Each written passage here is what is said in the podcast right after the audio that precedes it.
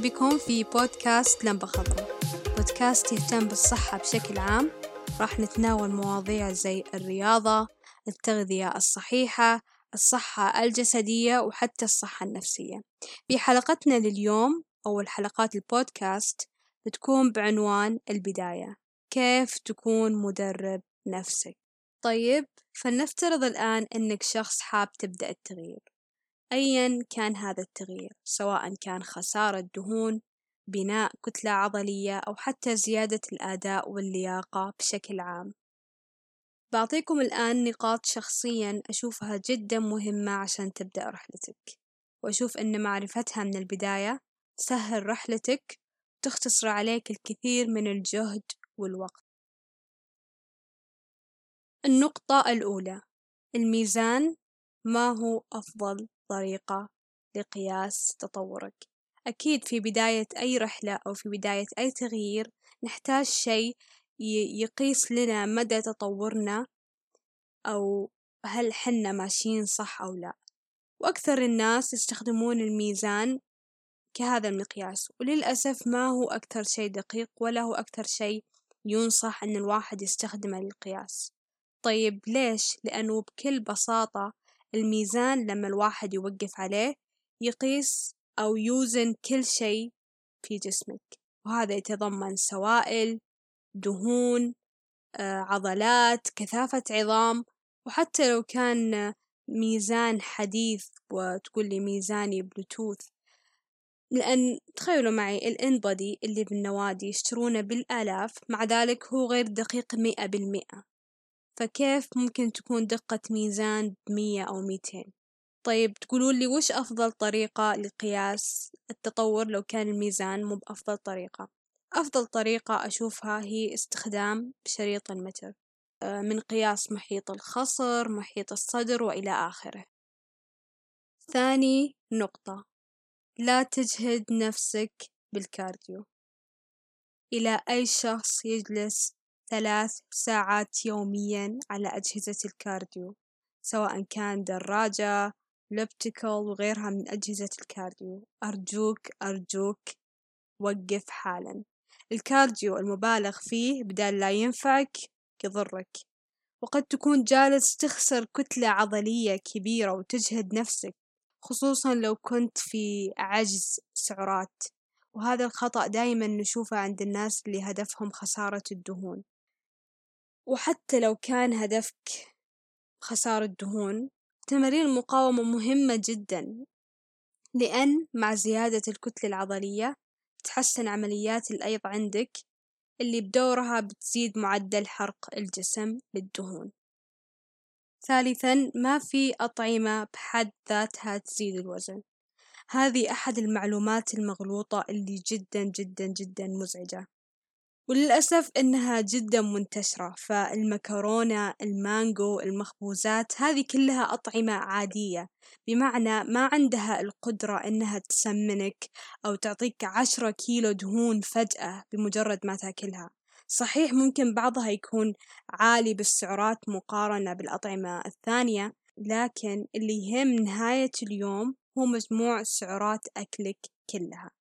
فإذا كانت سعراتك سعرات زيادة ثبات أو عجز. ما يهم نوع الأكل اللي تاخذه كثر ما يهم كمية السعرات. طبعا أكيد ننصح أن تكون يكون الأكل من مصادر غذائية تغذي جسمك وتساعدك أنك توصل لأهدافك.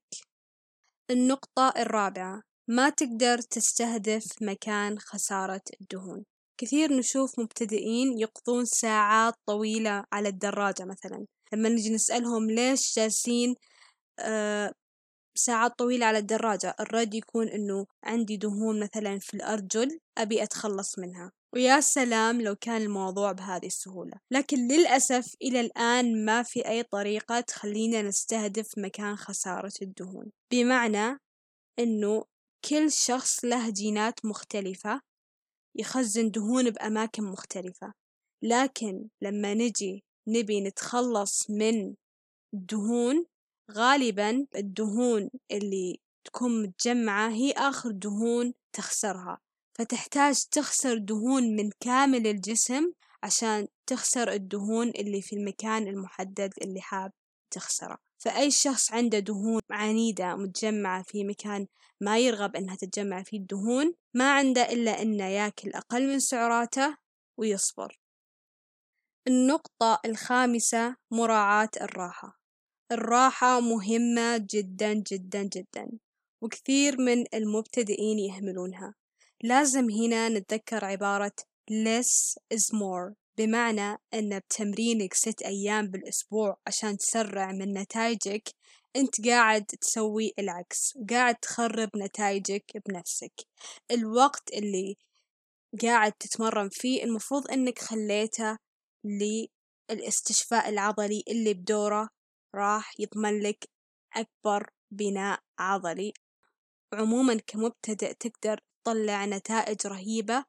بتمرينك في أقل حد اللي هو تمرين العضلة مرتين بالأسبوع لأن بيكون عندك ال newbie gains أو الزيادة العضلية للمبتدئين دائما تكون أكثر من المتوسطين أو اللي في مستوى عالي.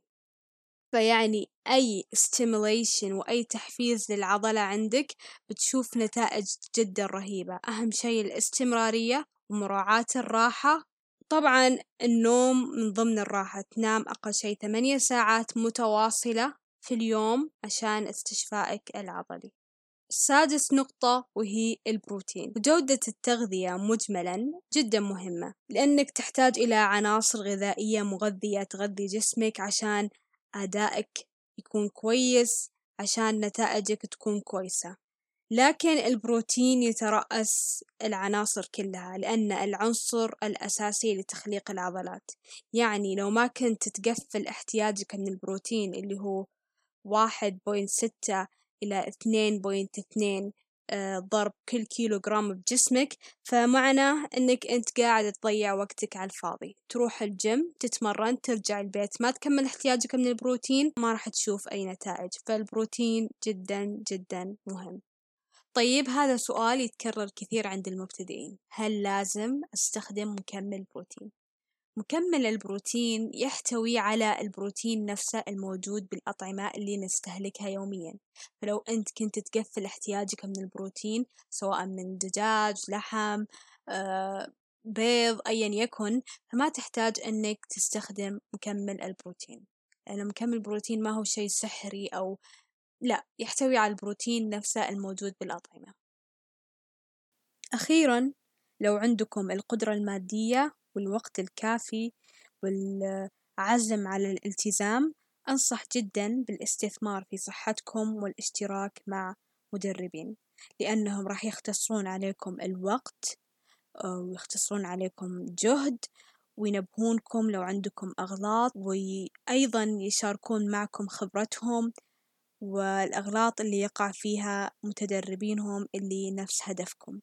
أهم شيء أهم شيء إنكم تختارون مدربة أو مدرب تثقون في علمهم وتثقون في عملهم. وأيضا تقدرون تشتركون معي في حسابي في الإنستغرام @sava_coach @sava_coach شكرا لاستماعكم وألقاكم.